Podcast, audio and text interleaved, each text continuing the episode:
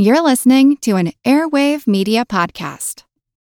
Hello, America. It's Ted from Consumer Cellular, the guy in the orange sweater, and this is your wake up call. If you don't have Consumer Cellular yet, now is the perfect time to switch and save. For a limited time, new customers can get wireless service for as low as $15 a month for your first year. Yep, the same exact nationwide coverage as the leading carriers for $15 a month for an entire year. What are you waiting for? Call 1 888 freedom or visit consumercellular.com and use code radio15. See consumercellular.com slash first year 15 for promotional details.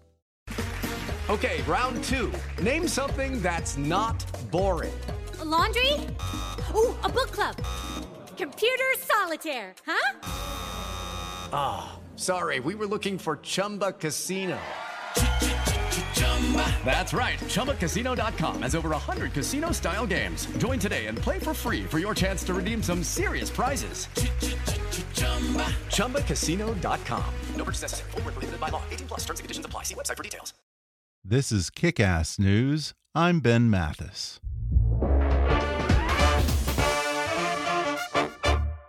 Hey, folks, got big plans for the new year? Maybe you're ready to finally launch a small business, start a blog, or promote your favorite passion project.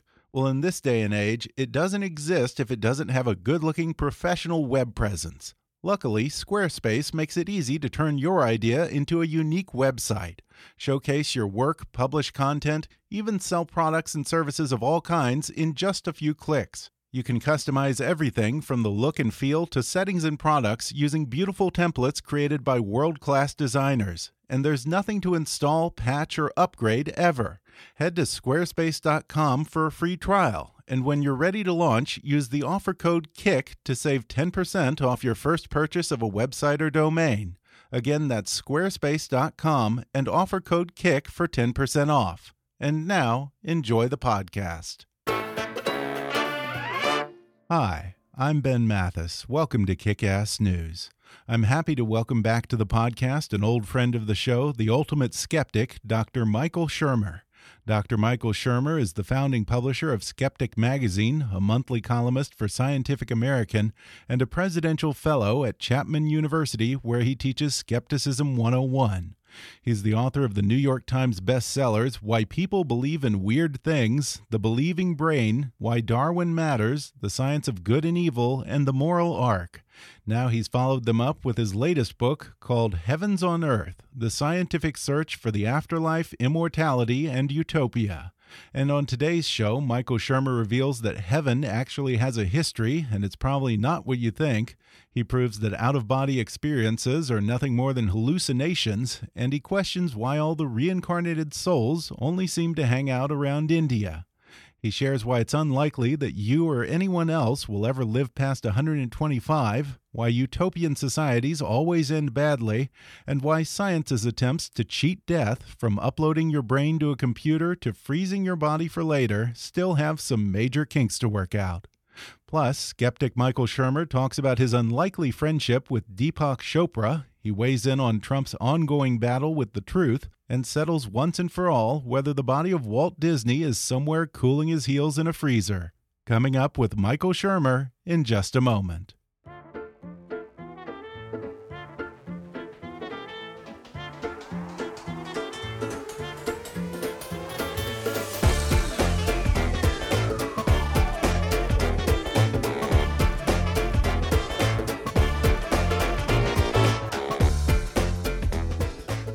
Dr. Michael Shermer is the founding publisher of Skeptic Magazine, a monthly columnist for Scientific American, a best selling author, and a presidential fellow at Chapman University, where he teaches Skepticism 101. He's written a new book called Heavens on Earth The Scientific Search for the Afterlife, Immortality, and Utopia.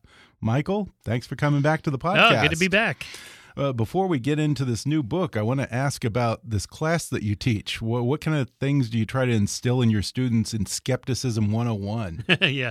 Well, so first of all, it's um, uh, Chapman University. It's a liberal arts school. So mm -hmm. uh, all the incoming freshmen have to take one of these um, uh, sort of critical thinking type courses. And they're, they, they vary, you know, greatly across the board. You're, you can only have a maximum of 25 students. So they're, they're seminars. And um, so I, I'm basically could teach anything I want. So I thought, well, critical thinking, this is what we do at Skeptic Magazine. This is, you know, so really the Skepticism 101, it's just an extension of Skeptic Magazine, what we've been doing for the last quarter century. So I have them all, um, they have to all do a 18 minute TED Talk. So it forces them to organize their thoughts in a short period of time on one topic. Just have Okay. one one thing, one story that you're going to tell, and then they have to write an op-ed piece as if they're communicating one idea in a newspaper. Anyway, all this is forcing them to think about things that you know critically. And we go through all the the usual suspects, you know, uh, cognitive biases and how thinking goes wrong, logical fallacies. Uh, but but then the, the, you know I have 25 students, so we get 25 topics. You know, Bigfoot, UFOs, aliens, conspiracies.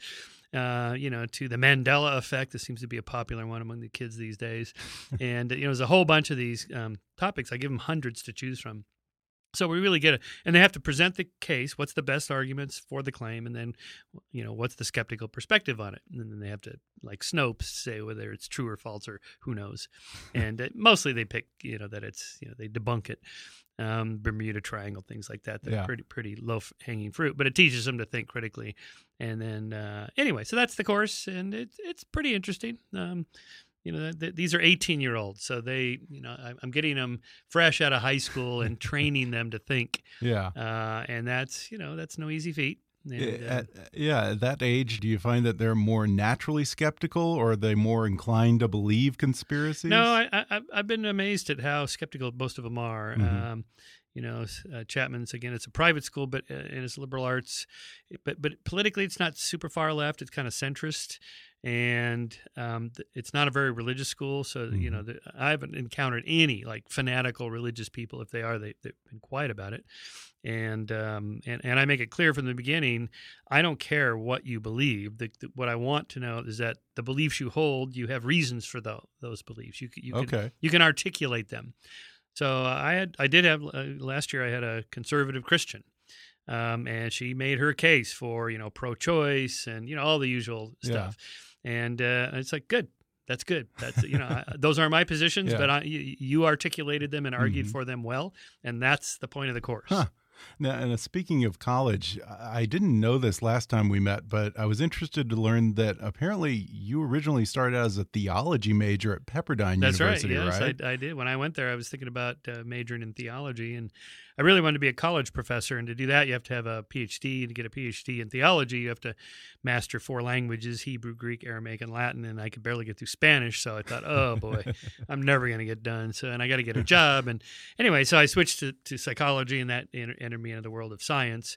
Uh, yeah, I took biology classes. Then I went to graduate school, and I took, you know, a lot of classes in statistics, research methodologies, and ran experiments for two years in a lab. And you know, really got inculcated into the world of science. Mhm. And then I also took courses in anthropology and, and mythology. And then I went through my Joseph Campbell stage, you know, when he was popular. Yeah. Uh, and you know, I realized that, uh, that that what people believe, and they believe just as strongly as I did as a Christian, uh, depends pretty much entirely on where you happen to have been born. Really? Uh, yeah, I mean, if you're born in India instead of America, you're more likely to be Hindu than Christian. sure. Now, there are exceptions, of course. I'm just talking about generalizations. You know, missionary Christian missionaries go to India and try to convert people. Mhm. Okay, so you might run into a few, but most people are in, in India, and most you know reincarnation. If it's true, the souls are all hovering around the subcontinent of India, waiting for a body to to inhabit. Okay, so clearly it was uh, obvious to me that these are culturally bound, socially constructed. People would say today Mhm. uh, beliefs, and that it's not that any of them are right or wrong. Is that that's not even really the right way to think about it. They're all wrong from a scientist scientist perspective, but um, there's something else going on with those stories. What you know, so I, I began to be interested in the psychology of beliefs. Why do people hold those beliefs? I mean, what what what role is it serving in their lives? Mhm. So I- I've, and that's pretty much summarizes my entire career. I have a sort of this split personality. Part of me, as Mr. Skeptic, uh, you know, after I write a monthly column in Scientific American, publish Skeptic magazine every three months. We got to debunk stuff. This is what we do, and uh, you know, so I got to find something, uh, articulate what the claim is, what the arguments are, and whether the arguments and claims are true or not. And uh, so that's kind of an activist Mhm. position. Uh, but the other part of me is, you know, well, why why would people hold those beliefs? What what is what purpose is it serving in their lives? Mhm. And that to me is the more interesting part. You know, what why why is say uh, pick a, a recent topic, climate change, uh, p- people's positions on climate change so predictable based on political party. Today, when people hear climate change and they're conservative or they're Republicans, they don't hear parts per million of CO2 gases or Mhm. whatever. They hear um, you know, big government interfering with my freedoms and Yeah. anti-liberty, and you know, so that's what they hear. So of course, Yeah. you know, they they push back Huh. against that. So we've lost the narrative on well, but we still want to know whether it's true or not, which is separate from hmm the politics of what to do about it. Does that apply across the board to science in general? Well, it depends on the, the topic. So Mhm. whenever the topic bumps into some political or religious notion, then that's when people, you know, pick sides, so to speak. I mean, no one argues about the germ theory of disease or plate tectonics in geology or, or quantum physics or so. These have not been politicized. But if you take something like evolution, which pushes people to start thinking about the origins of humans, if you tell people you have to choose between Darwin and Jesus, you know, Darwin's not going to win out for most people. Yeah. Right. So you got to take that question off the table. That's not what we're talking about. We're talking about the fossil record. We're talking about DNA. Talking about genetic similarities across all species. We're talking about you know how we know how old the Earth is through radiometric dating techniques. These are all empirical questions that have nothing to do with your politics and your religion. But if you make it have to do with that, then people are going to pick sides. We were just talking about this idea that truth is now somehow subjective. What do you make of all this with the fake news and alternative facts? I mean, do you feel like you're fighting a little bit of a losing battle these days? Yeah, well, so I yeah, so I, I saw that. Um, I think it was Webster's word of the year was uh, alternative facts for 2017. before that, the year before that, I think it was fake fake new, fake news, Yeah. and then before that, uh, all the way back to 20, 2007, it was factiness. Or uh, no, no, that was my word, factiness. Just Truthiness? coined- um, truthiness. Yeah, Colbert. I just coined a word factiness uh, for my latest column in Scientific American. The question is, is i- you know, are we hitting a crisis point? No, I don't think so. First of all, um, you know, the fact that we're hypersensitive to the idea that people distort politic, uh, distort facts for political reasons. Well, they've always done this. You know, this is a very old Right. tradition. It's just become a little more apparent because you have the internet with you know instant access to the claims, and Okay. then, but, But don't you think encouragingly, it's a little more brazen? it's more brazen, yes, Okay. in a sense, because we're more polarized. Mhm. It's the polarization that has made that seem worse. Um, but but I'm encouraged uh, by something of a market solution to the problem, which is fact checking sites like Mhm. PolitiFacts. You know, and it's PolitiFacts is the one that has you know it's, it's you know true, maybe true, you know middle of the road, maybe false, false, pants on fire. Right. You know, pants on fire is you know you're just lying. Yeah. And um, and, and there's a half a dozen other sites like that, Snopes, that you know analyze every political speech, like during the campaign. You know, within an within hours of the speech given, you can go online and see the fact checks of every claim in the Mhm. speech. That's that's encouraging. We can do that. Yeah. If we're not lazy, that's the problem. Well, yes, of course. Uh, well, okay. So the internet brings us, you know, the the, the you know, it's a, it's a Janus face. You know, it's good and bad. It cut, cuts both ways. So Mhm. and so you have to use it. But so, so is the printing press, the same device that prints Mein Kampf, prints Shakespeare. You know, it's, it's Yeah. You know, we want the freedom, we want the access, we want the Yeah. knowledge. Uh, what you do with it, that's another question. Yeah. You know, I, since we're talking about this, I want to ask you to apply your skeptical eye to the Trump Russia investigation. Trump and Breitbart want us to believe that the whole thing is just a hoax perpetrated by the media and, I don't know, some deep state Hillary supporters in the Justice Department or something. Uh, do you buy all that? How, where do you stand on all that? No, well, this isn't really in my wheelhouse so much, but Right. I do pay attention.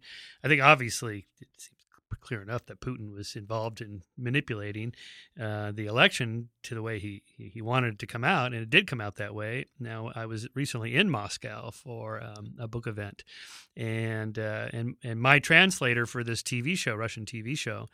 RT Russian. That's the that's the big network there. Uh-huh. Uh, he regularly um, translates Putin into into English from Russian into English for English viewers of R- Russian television. And he said they were thrilled when Trump won. They couldn't believe Trump won. It's like, oh my God, no one thought this guy would win. Yay, our guy is in there. So clearly, they you know they want they they want him. But he also said they've been kind of disappointed that he you know Oh, he's yeah. not he's not been the puppet they were hoping he would be for them. Okay, so that's interesting. So clearly, obviously, there was some something going on there. Uh, no, I don't think it's a Hillary plot. Um, but on the other hand, if if there was some smoking gun, where is it? I mean, come on, Mhm. we you know they've been dragging this thing for a year now. You know, it's like there's other issues. You, just fish or cut bait. Give us what happened, lay it out there, and we'll deal with it, or just drop it and let's move on to other, to- like North Korea or whatever, something that's more important. Yeah, yeah, yeah. I think it, who was it? I think it was Mark McKinnon said the other day. He said even if there is no fire, you know, at a certain point you can die of smoke inhalation. So- yeah, yes. Well, this will be a test for the my thesis in my previous book, The Moral Arc, about moral Right. progress. You know, it sure felt good under the Obama administration. Eight years of, of this was was good. Uh, so, but but you know, is this going to be a huge downturn? Well, so far, you know, it hasn't been catastrophic. Yeah. So it, it's entirely possible that our our republic is pretty robust, and it's difficult to destroy it from within, no matter how incompetent somebody might be. Well, you mentioned the moral arc. This new book sort of builds on previous Mm-hmm. themes from the moral arc and the believing brain. Uh, what was your goal with this new book, Heavens on Earth? Well, yeah, so it's an extension of the previous two books for sure. With the believing brain, I, I was ta- talking about God, and, and and with moral arc, talking about morality. So both of these are from a secular atheist perspective. There's no God, um, and you know, morality comes from uh, ourselves, our our own species, our own societies, cultures, and so on. Well, what about the afterlife? I mean, it's like the the last big question I haven't dealt with in in all, all my previous books. I do have chapters on the the monotheism's view of heaven and the afterlife, which they all vary, which is interesting in itself. You know that Yeah. that, that history that uh, heaven has a history. Now I'm a historian of science by training. You know, cosmology has a history, but there's kind of a sense when you read the histories of cosmology of an unfolding narrative that gets closer and closer to the what we think is actually out there. Right. It's not like that learn, with the yeah. history of heaven. It's just like these are all made up stories, and they all vary and change depending on you know what culture the religion is is in. E- even within cultures, I think within Judaism, you talk about how the idea of heaven has evolved over the years, right? That's right. Yeah. There, so there wasn't an idea that we would go up into the clouds one day originally. That, that's right. I mean, the whole idea of kind of a ethereal soul really takes root after Descartes because that's when we had the dualistic split in the sense that well, there's body and mind, brain and Mhm. soul. Uh, but sorry, brain and mind, body and soul, corporeal and incorporeal, and, and that was kind of that west, split in Western uh, Western intellectual history. And so after that, then the religions all started focusing on the soul. But there's still sects of Christianity, for example, that think like Jesus, you will be resurrected physically, like your body will be in heaven again. the whole body. Okay. The whole body, yeah, which Body, brings up interesting problems. everything. First of all, Huh. what age? How old are you? Um, uh, you know, and they, some of them have answers. Thirty. Oh, really? Yeah, 30, 30, because Jesus was 30 or maybe 33. anyway, early 30s. Okay. Well, because that's that's a that's a good time. You're physically fit. So. but there's serious problems with this. I mean, c- come on. Uh, I mean, if God does this and somehow reconstitutes your physical body like a Star Trek transporter, uh, why would you not age and die, get cancer, Alzheimer's, or whatever? Well, He's going to fix all that. Okay, that means uh, we, we know enough to know now that that would mean completely re-engineering your whole genome and all your cells. and It's not really you. This is a different you, not the you you. And also, now I'm 63 now, so if I'm resurrected at age 30, what where's all those memories I ha- I've had in my last uh, three decades? Because I've Yeah. had some really good memories, and and are those gone? Uh, no, you get those memories. How does that happen? Because you know I'm So a 30 year old brain. And uh, that's why I quote Julia Sweeney in, in there from her uh, wonderful monologue, Letting Go of God. You know, it's like when the Mormon boys came around to her door and, and tried to sell her on Mormonism. And, you know, that when you go to heaven, the blind shall see, the deaf shall hear, you know, that whole business. She goes, Well, I, you know, I had my uterus taken out because I had uterine cancer. You know, when I die, do I get my uterus back? And they go, Yeah. She goes, I don't want it back. and she said, What if you had a nose job and you liked it? And you don't want your old nose back. Do I have to get my old nose? I mean, okay, these are absurd things. But then it gets even worse than that. Um, that is, if it's just your soul, again, what uh, is it? Is it a pattern of all your memories? Yes. Okay. Well, uh, first of all, again, I'm 63, so the memories of when I was in my 30s now are very different than the memories of, uh, of when I was in my 30s when I was 50, and different still when I was 40, and different from when they were unfolding in my 30s. The memories themselves aren't fixed in some kind of sense that they never change. The memories are always edited and changed, which we know from cognitive science is why eyewitness testimony is not very reliable. I don't know if there's an afterlife or not. Nobody does. Okay. I doubt Right. it, but nobody knows for sure. Now you say no one's ever been there, but what about uh, these out of body experiences where you know people walk to the light and all that? What about that? Is that proof of an afterlife? Well, it's proof that the brain is capable of many remarkable experiences. I believe that people uh, are reporting an experience they've really had. The question is, where is the experience? Is it in the brain or out in the world? So, Huh. well, so the most science, most, most neuroscientists, of course, um, don't accept that it's a doorway to some other um, realm where we go when we die. No, most because we know that. Um, Every thought you have um, is generated by neurons firing and it's brain chemistry and you can replicate these floating out of the body going through the tunnel white light at the end of the tunnel and, and all those characteristics can be duplicated either in like a centrifuge if you spin research on these pilots that are spun in a centrifuge dr james Whinnery is the scientist who does this and uh, a good portion of them as they're passing out have these little dreamlets as he called them where they they like the white the tunnel the white light at the end of the tunnel they feel like they're floating. And this is just the brain shutting down from the cortex inward. The blood is just being pressed to the center of the brain and the cortex shuts down in a way and the visual cortex in the back of the skull it shuts down in a way that creates this kind of tunneling effect and you can do it through open brain surgery. Uh, this is one of the ways that brains are mapped. Here's how we know what this part of your brain does because we've uh, uh, gotten permission for these epileptic patients that have these open brain surgeries where they go in and try to find where the seizures are, are starting and zap those neurons specifically. Uh, so they don't kill memories in other parts of the brain. So, but they're in there, they wake them up and they tap around and it goes, just tell us what you experience when we tap right here. Oh, I just had a memory of my 10th birthday or, oh, I just smelled onions. You know, so it's Really? kind of one way. That's oh yeah. amazing. Oh, it's, it's very, very dramatic. Well, one of the, one of the ways, uh, the things they experience are out of body experience. Like I'm floating No above kidding. my body now, whatever you're doing. Well, they're tapping in this little area uh, in the temporal lobes just above your ears. And, you know, if you t- t- tap around, oh, it's my left leg. Now it's my right leg floating. And, ooh, I'm up by the ceiling now. I'm looking down at the doctors. You know, oh, okay, it's right there. Now, you know, and it's all in the brain. it's all in the brain. and even the people that describe in vivid detail, I, I review um, Eben Alexander's book in, in Heavens on Earth. Uh, his book is called Proof of Heaven. So I've met him on several TV shows. Super nice guy, very smart, Harvard trained neurologist. He knows more about the brain than I do. So why doesn't he know what I know, which is that you know these things are all generated in the brain? And the answer is because it happened to him. And you know the colors were Okay. incredibly vivid and rich, and He's just convinced. Feelings I had of intense love uh, and, and so on.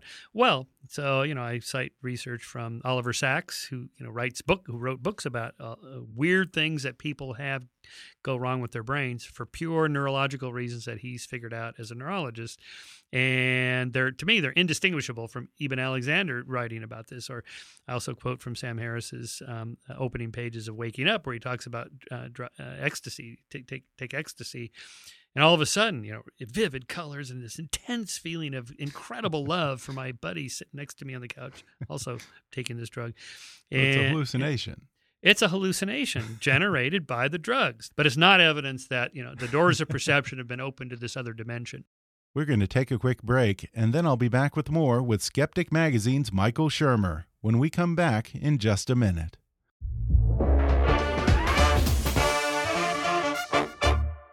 Hey folks, SeatGeek is the smartest, easiest way to get tickets to every type of live event.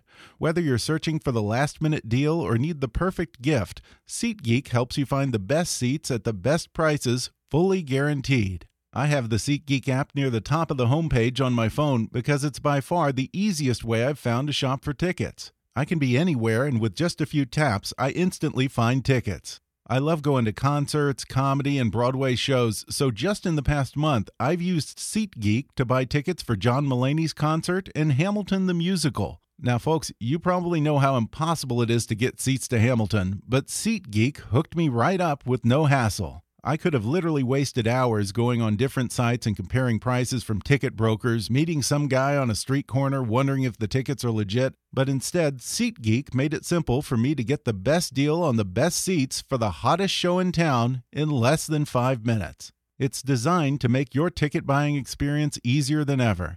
SeatGeek even grades every ticket price based on value to help you get the most bang for your buck. Plus, every purchase is fully guaranteed so you can shop with confidence. Make SeatGeek your go to app for finding the best deals on every type of ticket, from sports and concerts to comedy and theater.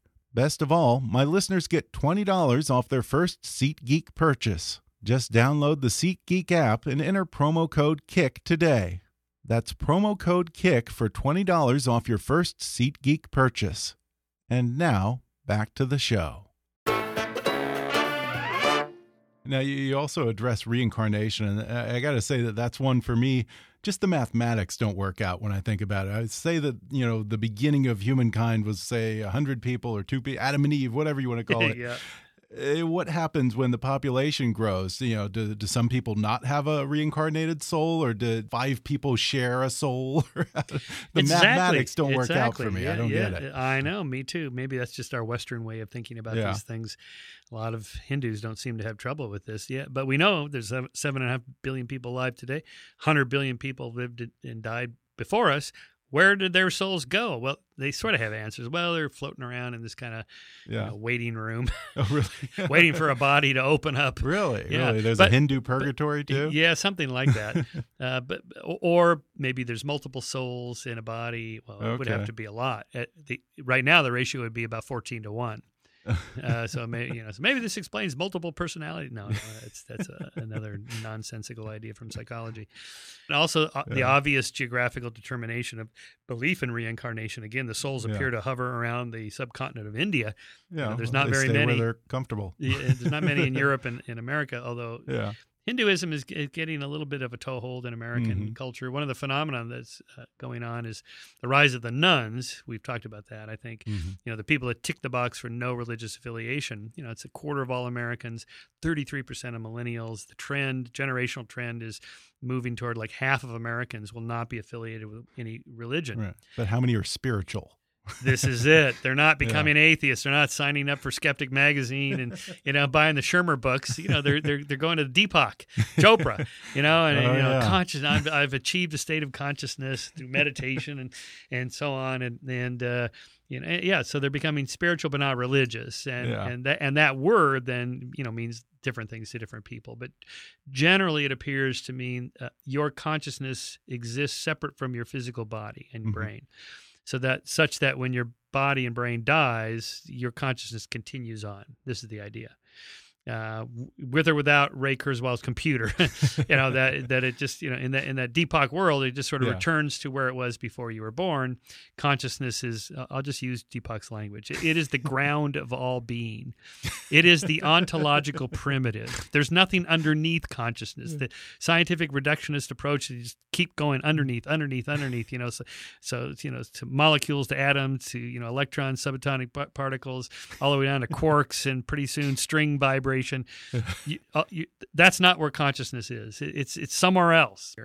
How are you in Deepak? These weird frenemies. I don't understand that Frenemies, yeah, like relationship. that. how, how does how do conversations Oh. usually go between you and Deepak? They go okay now because Yeah. we've decided to to listen to each other and just Okay. respectfully disagree.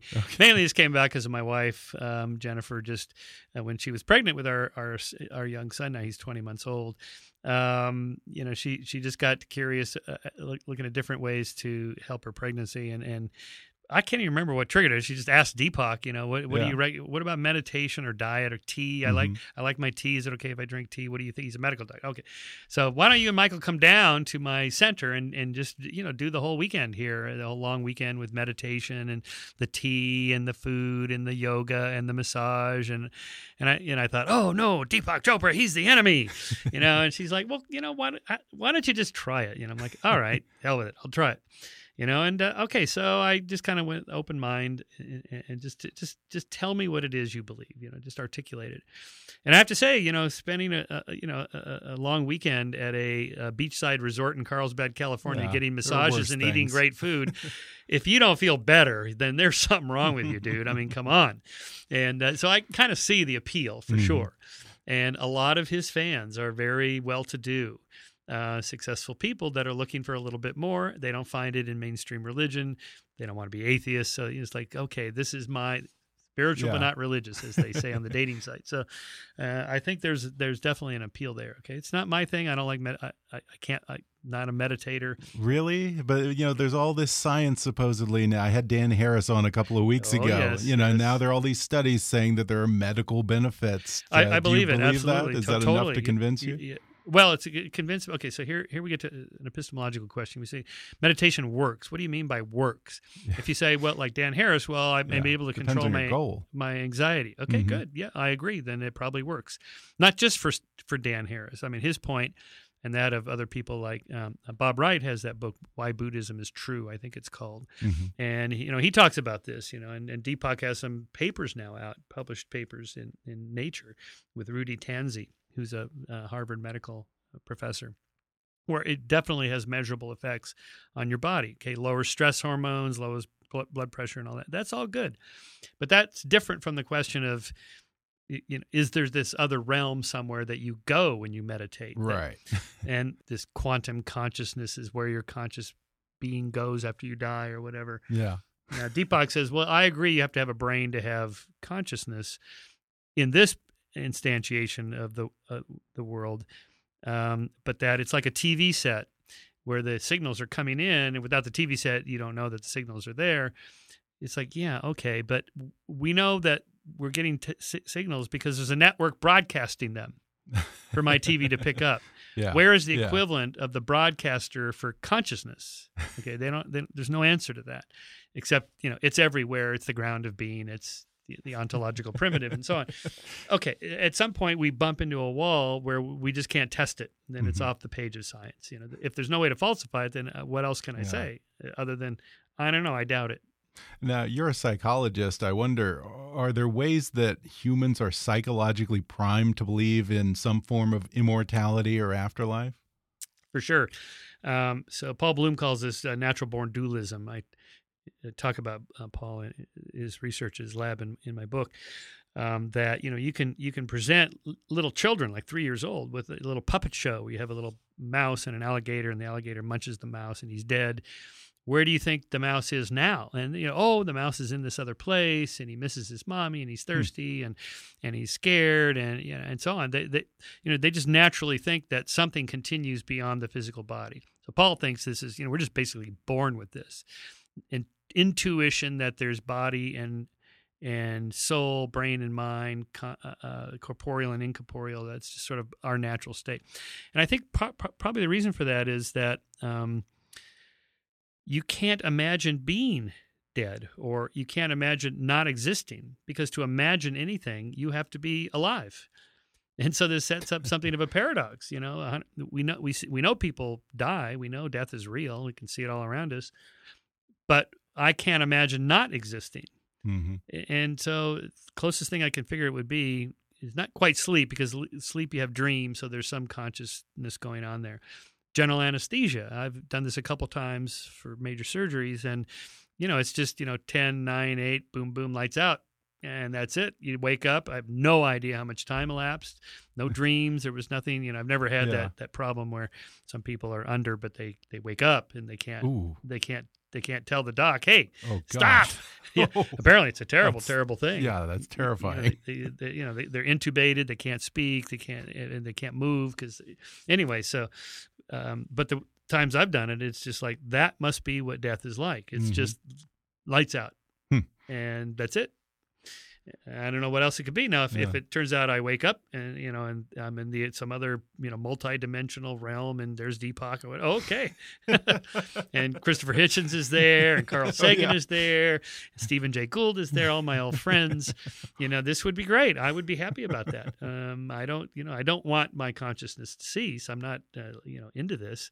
Uh, I don't believe because I just don't think the evidence is there. Well, you don't just deal with the religious beliefs about the afterlife and immortality in this book. You also investigate some of the scientific efforts at things like radical life extension, cryonics, this idea that you can upload your mind to a computer chip or the cloud. And frankly, Michael, it, sounds like you're just as wary of the supposedly science based attempts at immortality as you are of the spiritual ones. The scientists have the same problem. The people that want to copy your connectome and then put it in a computer, you know, upload. This is called mind uploading. This is a big, big movement, and they have the same problem. What's being uploaded? Well, your memories. Which memories? All of them. No, well, but but they're not fixed. So there is no you. There's no self in the sense of some fixed entity. Okay. There's a pattern that kind of roughly resembles the pattern of you yesterday, last Okay. week, last year, last decade, 50 years ago, whatever. Uh, but but but it's a it's a constantly fluid, changing thing. So it really gets back to th- this is it. You know, re- really. Everybody, listen. This is all there is, and you're not going to be uploaded into the cloud. E- Even if we could do this, which we can't. I mean, we're not even remotely close to being able to do anything like this. I mean, all the computers in the world couldn't hold just one uh, brain file, a file of all the connect. You know, it's, Really? it's very detailed. Yeah, but you know, but their argument is okay. But Moore's law doubling. You know, give it a give it a few decades, we'll be there. Yeah, maybe. but at, currently, the idea is well, we you know, free upon your death, we freeze your brain, slice it up, but we have all the connect, uh, all the synaptic connections, copy Right. them. Cryonics. You have yeah. this gigantic digital file, and then you put it in, in the cloud or a computer and turn it on. Well, even that, I don't think your point of view would go with it. That is your point of view self. And so there's the memory self and the Uh-huh. point of view self. Okay. Okay. So like So it would be a different person, kind of. Right a different because, version because of you. let, us say instead of doing it by slicing up your brain and, and, and doing an electron microscope and, and copying every synaptic connection digital file. Let's say a 100 years from now we have a sophisticated fMRI brain scan we slide you into the scanner copy your brain upload it into the cloud put it in a computer and turn it on. Mhm. you're still standing there next to the machine going well i'm still here that's not that your point of view doesn't suddenly leap into the computer or the cloud and go well i'm up here now no you're still standing there going hey uh, Yeah, dude So it's a different. you're not me. You're just a copy of me. Yeah, and I got to be honest. I don't know that I would want to because what if I have you know relatives and people bugging me all the time and asking questions? I want to Yes. talk, and I can't walk out the room anymore. It almost sounds like my idea of heaven might turn into my idea of hell. Yeah, You're that's right, yeah. Imprisoned on a computer. Yeah, yeah, yeah, yeah, yeah. So, and and it's not you anyway. So now there Yeah. are counter counter argument to that is that it doesn't matter that it's not you. You, you point of view, you is still sitting there. You one, you two, copy you thinks it's you. Yeah, but but okay, but but okay. This is like Woody Allen's joke. You know, I don't want to live on through my work. I want to live on in my apartment, which is really just a, the continuity of self from one Yeah. day to the next. uh, and so, it, so that's why I go through all the, the radical life extensionists. They get this. They go, okay, Yeah. no, no, I don't want to die. Uh, I got to keep the physical body going for as long as possible. Now, the problem is, is there's an upper ceiling to that at the moment. So it's a myth that you know people live twice as long today as they used to. That's not true. People centuries ago lived into their 80s and 90s, hundreds, but just not very many. Yeah. So what all modern medicine, technology, health, uh, you know, public health measures, vaccinations, you know, toilets, running water, you know, that, you know, clean hands, all that stuff. All that's done is get more and more of us up to the upper ceiling. Okay. No one's going to break through 120 years without something dramatic happening. And the problem is this, that that something dramatic is not one thing. There's no magic bullet. You know, there's there's the systems across the board start to fall apart in your say mid to late 80s. You- No matter how healthy you are, you got the best genes in the world, best diet, whatever that is, because we still don't even know exactly what that is. uh, and you've you've dialed in the right supplements, vitamins and minerals, and all that. And even there, we don't even know what that is. You know, beyond the basics. Well, unless Uh, you're like Ray Kurzweil, who like takes takes everything, like 250 supplements, right? Yes, yes, yes. If you call that living, I mean, yeah. I don't know. And you know, I did that back in the '80s when I was a Oh, bike yeah? racer. I tried all kinds of things. You know, so I tried all the mega vitamin supplements. You, you just piss it out. I mean, it's your urine is like this bright yellow, orange, green, and practically glow in the dark. It, it doesn't. It's not absorbed by your body. Mhm. Your body is already getting almost everything it needs from just a regular old diet. Okay. Now, if you're anemic and you need Huh. some iron, whatever, okay, yes, that's true. But most of us, most of the time, if you eat a general, just basic diet, you're you're fine. You, don't need anything more. Huh. So the idea of re-engineering your the chemistry of your cells through diet and supplements, so far, eh, th- that's not working. okay. And so the other problem is then the uh, the telomeres at the end of your chromosomes, which determine yeah, how many Yeah, that was supposed to be the our savior there. Yeah, that's right. Yeah, so there's Lengthen there's a- our telomeres. there's some new books out about the telomere, the telom- telomere. I forget what it's called there. yeah. Telomere miracle or whatever. Oh, oh, That- the the uh, Liz, I had her on Elizabeth Blackburn. Yes, Yeah, yes, yes. yeah. Okay, this is all super interesting, interesting. research. She's very smart. I love it. Okay, but by the way, let me note parenthetically, I'm not against any of this stuff. I'm only skeptical because Yeah, it sounds like you're skeptical of science now. yeah, yeah, I know. That's what it sounds like. But I'm not. I'm in favor of these guys doing this. I hope they get there before I hit the wall. Okay. But the problem is, is that is it's way more complicated than that. Like Yeah. for example, on the telomeres. So this has to do with something called the Hayflick limit, which is the number of times a cell can divide before it dies. 50, 50 60 times or whatever is kind of the average for cells. They vary. Um, but so if we fix it so the cells could divide indefinitely, we have cells that do that. They're called cancer.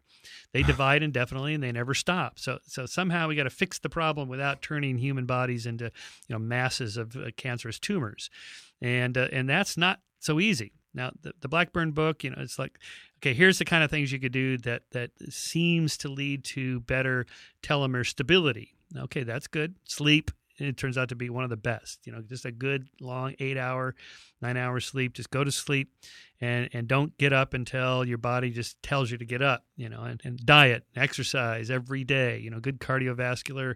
All that's going to do is hopefully get you into your 80s and 90s healthy, cognitively aware. Um, you know, so when people say, Shermer, don't you want to live to be 500 or 1,000 years old? It's like, listen, just get me to 80 without cancer, 90 without Alzheimer's, 100 Okay. without being on a morphine drip Quality, in a bed. not quality. right. Okay. And then if we can get everybody there and continue and push on, because I don't, there's no point where I'm going to go, yeah, that's it, I'm done, I, I want to cash out. Um, there are people that do that, and that's why suicides are a common cause of one of the most common causes of death. But that's there's specific reasons for that, mainly depression and mental illness. So, uh, but given healthy um, and happy, physically um, healthy people, uh, they, they're not going to want to cash out either. You know, I- mean, if you ask people, true. uh, surveys ask this: How long would you like to live? The answer typically is whatever the current lifespan is. Oh, I Mhm. guess early 80s or so. Okay, let's fast forward to the week before. You know, the average. Are you going to cash out? You know, no, no, no. I, I want to keep going. Yeah. Or if I gave you a, a diagnosis. Uh, you're going to die tomorrow. You know, would you like another week? Yeah, of course I'd take another week. okay, fast forward 20 years and go, okay, now 20 years now, boom, you're there. Next week you're going to die. No, wait a minute. I, I need some more time. I'm not done with this project. I have my kid, you know, blah, blah, blah. Okay. Never ending. It never ends, right? Yeah. So there's no really good reason to be against it. hmm it it's just that, uh, again, we're not there, you know, scientifically, technologically. I, I hope we do before I hit the wall, us baby boomers. Um, so this is what you got to do to make it count. And then I kind of go through the various things that we know from social science research and psychology. What makes people happy? What makes them feel fulfilled and purposeful? These are the things we could do. We know now what that is. I have a pretty good idea. You don't only deal with people trying to get into heaven and people's belief into heaven, but you deal with toward the end of the book uh, this idea of people trying to bring heaven here, trying to create utopian societies. Yeah. It, it always seems to me that if anyone was ever successful at creating utopia, then it would still be around, it would still be in existence, and we'd all be living there right now because it's so wonderful. Why do they always fail? Yes, they well they always fail because of uh, human nature. Uh, Mhm. first of all, we have a nature, and it varies greatly across different cultures. So we also have a culture, and people have a wide variety of needs and wants that cannot be met by any one society. So Mhm. the, the the question, what's the right society? The, the answer is there is none, and there never will be. One man's utopia is another man's dystopia. Yes, that's right. You know, so if you, so the problem with you, this is the utilitarian problem with utilitarianism is, you know, if you're willing to to kill the one to save the five, what the Mhm. famous trolley experiment, you know, would you flip the switch to send the trolley down a side track to kill one worker instead of the one the five it's going to kill on the current track it's on? Most people say they would flip the switch. It seems like a reasonable argument uh, until you do the calculus and think, well, okay, what if it's um, a, a physician has five dying patients in five different rooms in the OR, and he's, you know, just a healthy person's out in the waiting room waiting for a family member. Should we sacrifice him, harvest his organs to save the five? Well, if you did this, you'd go to jail for murder. You can't do that, and there's a reason for that. You know, we don't want to live in a world where pe- people could be randomly plucked off the street and sacrificed for the good of the of the many. And then it's too easy to ratchet up from kill one to save five to kill one million to save the five million, or kill the six million Jews in order to save the fifty million Germans. You know, whatever. So that's the problem with that. Uh, Does this obsession with utopias and this longing for some kind of mythical golden age explain, at least in part, the rise of nationalism and Donald Trump? I mean, what is "Make America Great Again" other than a Yes, longing for some exactly. utopian past? Yes, exactly. Well, Trump's uh, "Make America Great Again" was was it was it was a little kind of a blunt object on that. But Obama's whole thing was change. Mhm. Remember, change, ready for change. Change from what? From the evil Bush administration. And the Bush administration is we got to change from that Clinton administration. They all do this. Okay Yeah. You know Trump's a little more blatant about it, put it on a baseball cap, but um, but they all do this, and, and and you know the Greeks thought they were living in this terrible time, but before them was this golden age, and we think of the you know the, the Renaissance, and the Renaissance at the Renaissance was a you know we're returning back to the golden age of the Greeks, and you know everybody does this. They always think it's just this other time where things were great, and if we could just get back to that, there Mhm. was no such time. I, I like to remind my conservative friends that, that have a longing for the 1950s. Remember, the tax rate was 90%. Yeah. so, are you sure you want to go?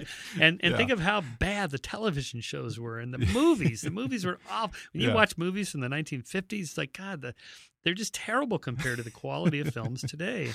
Even just like there's been studies on like television scripts you know, and how simple and, uh, and and just crude they were Yeah. compared to now. I mean, the, you have these shows like Lost or these you know never-ending shows, you know, with sophisticated script writers Yeah. and complex plots that go on and on and lots of twists and turns, and you know, they're cognitively more challenging, and there's more of them, and you know, this is all good. Now, today is these are the good old days. Well, before we go, just for the record, Walt Disney cryonically frozen. No, no, that's No? a myth. Yep, that, uh, the, the, story is interesting there. That that Alcor opened its doors and released a press release the same day Disney died. So people in their minds they conflated the two conflated news stories. Yeah. They oh the, the cryonics, the Disney died. Oh, Disney's frozen. Okay. on the other hand, the great baseball uh, player Ted Williams is frozen. Just his Oh, head. really? Yeah, his head. Um, and that he'll be brought back, you know, a thousand years from now, and I'm sure baseball is still a popular sport. this is the thing about the cryonics thing, you know. Just remember, you're frozen on the worst day of your life, the day you died. Yeah. 'Cause as far as the state is concerned, cryonics is a form of burial, so you Yeah. cannot be fr- frozen before you're dead. Oh, You have to- interesting. you have to be pronounced dead, and then they can freeze you. Um, uh, but before that, it would be suicide, which is you know technically illegal, so they can't do that. Um, yeah. Uh, but I mean, there are answers to that. Well, uh, you know, a thousand years from now, we'll get to, uh, inject these nanobots that go in there and fix everything. Yeah, okay, maybe. You know, this uh, now we're in the realm of science fiction, Yeah. which is fine. It's fun to think about, but you know, it's really don't bank on it. Don't miss out on what's going on now because you're so focused on Yeah. later.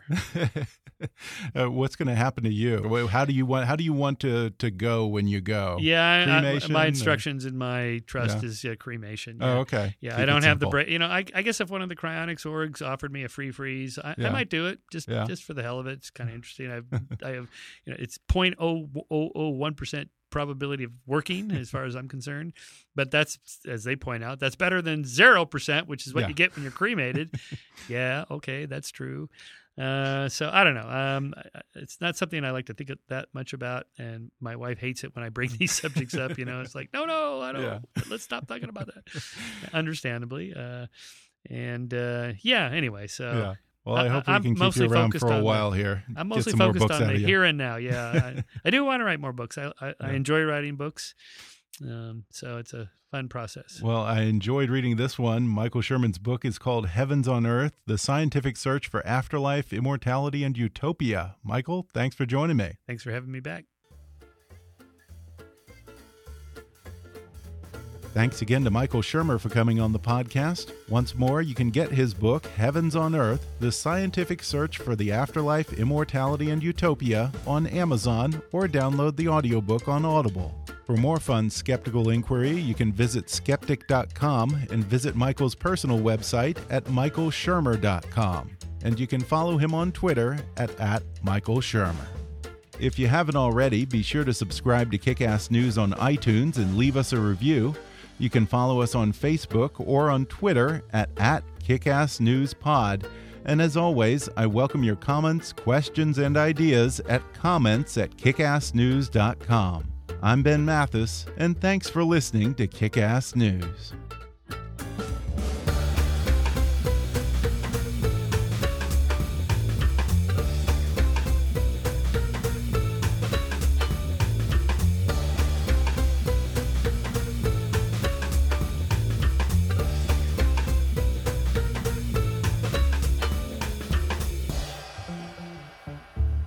Kick News is a trademark of Mathis Entertainment, Inc.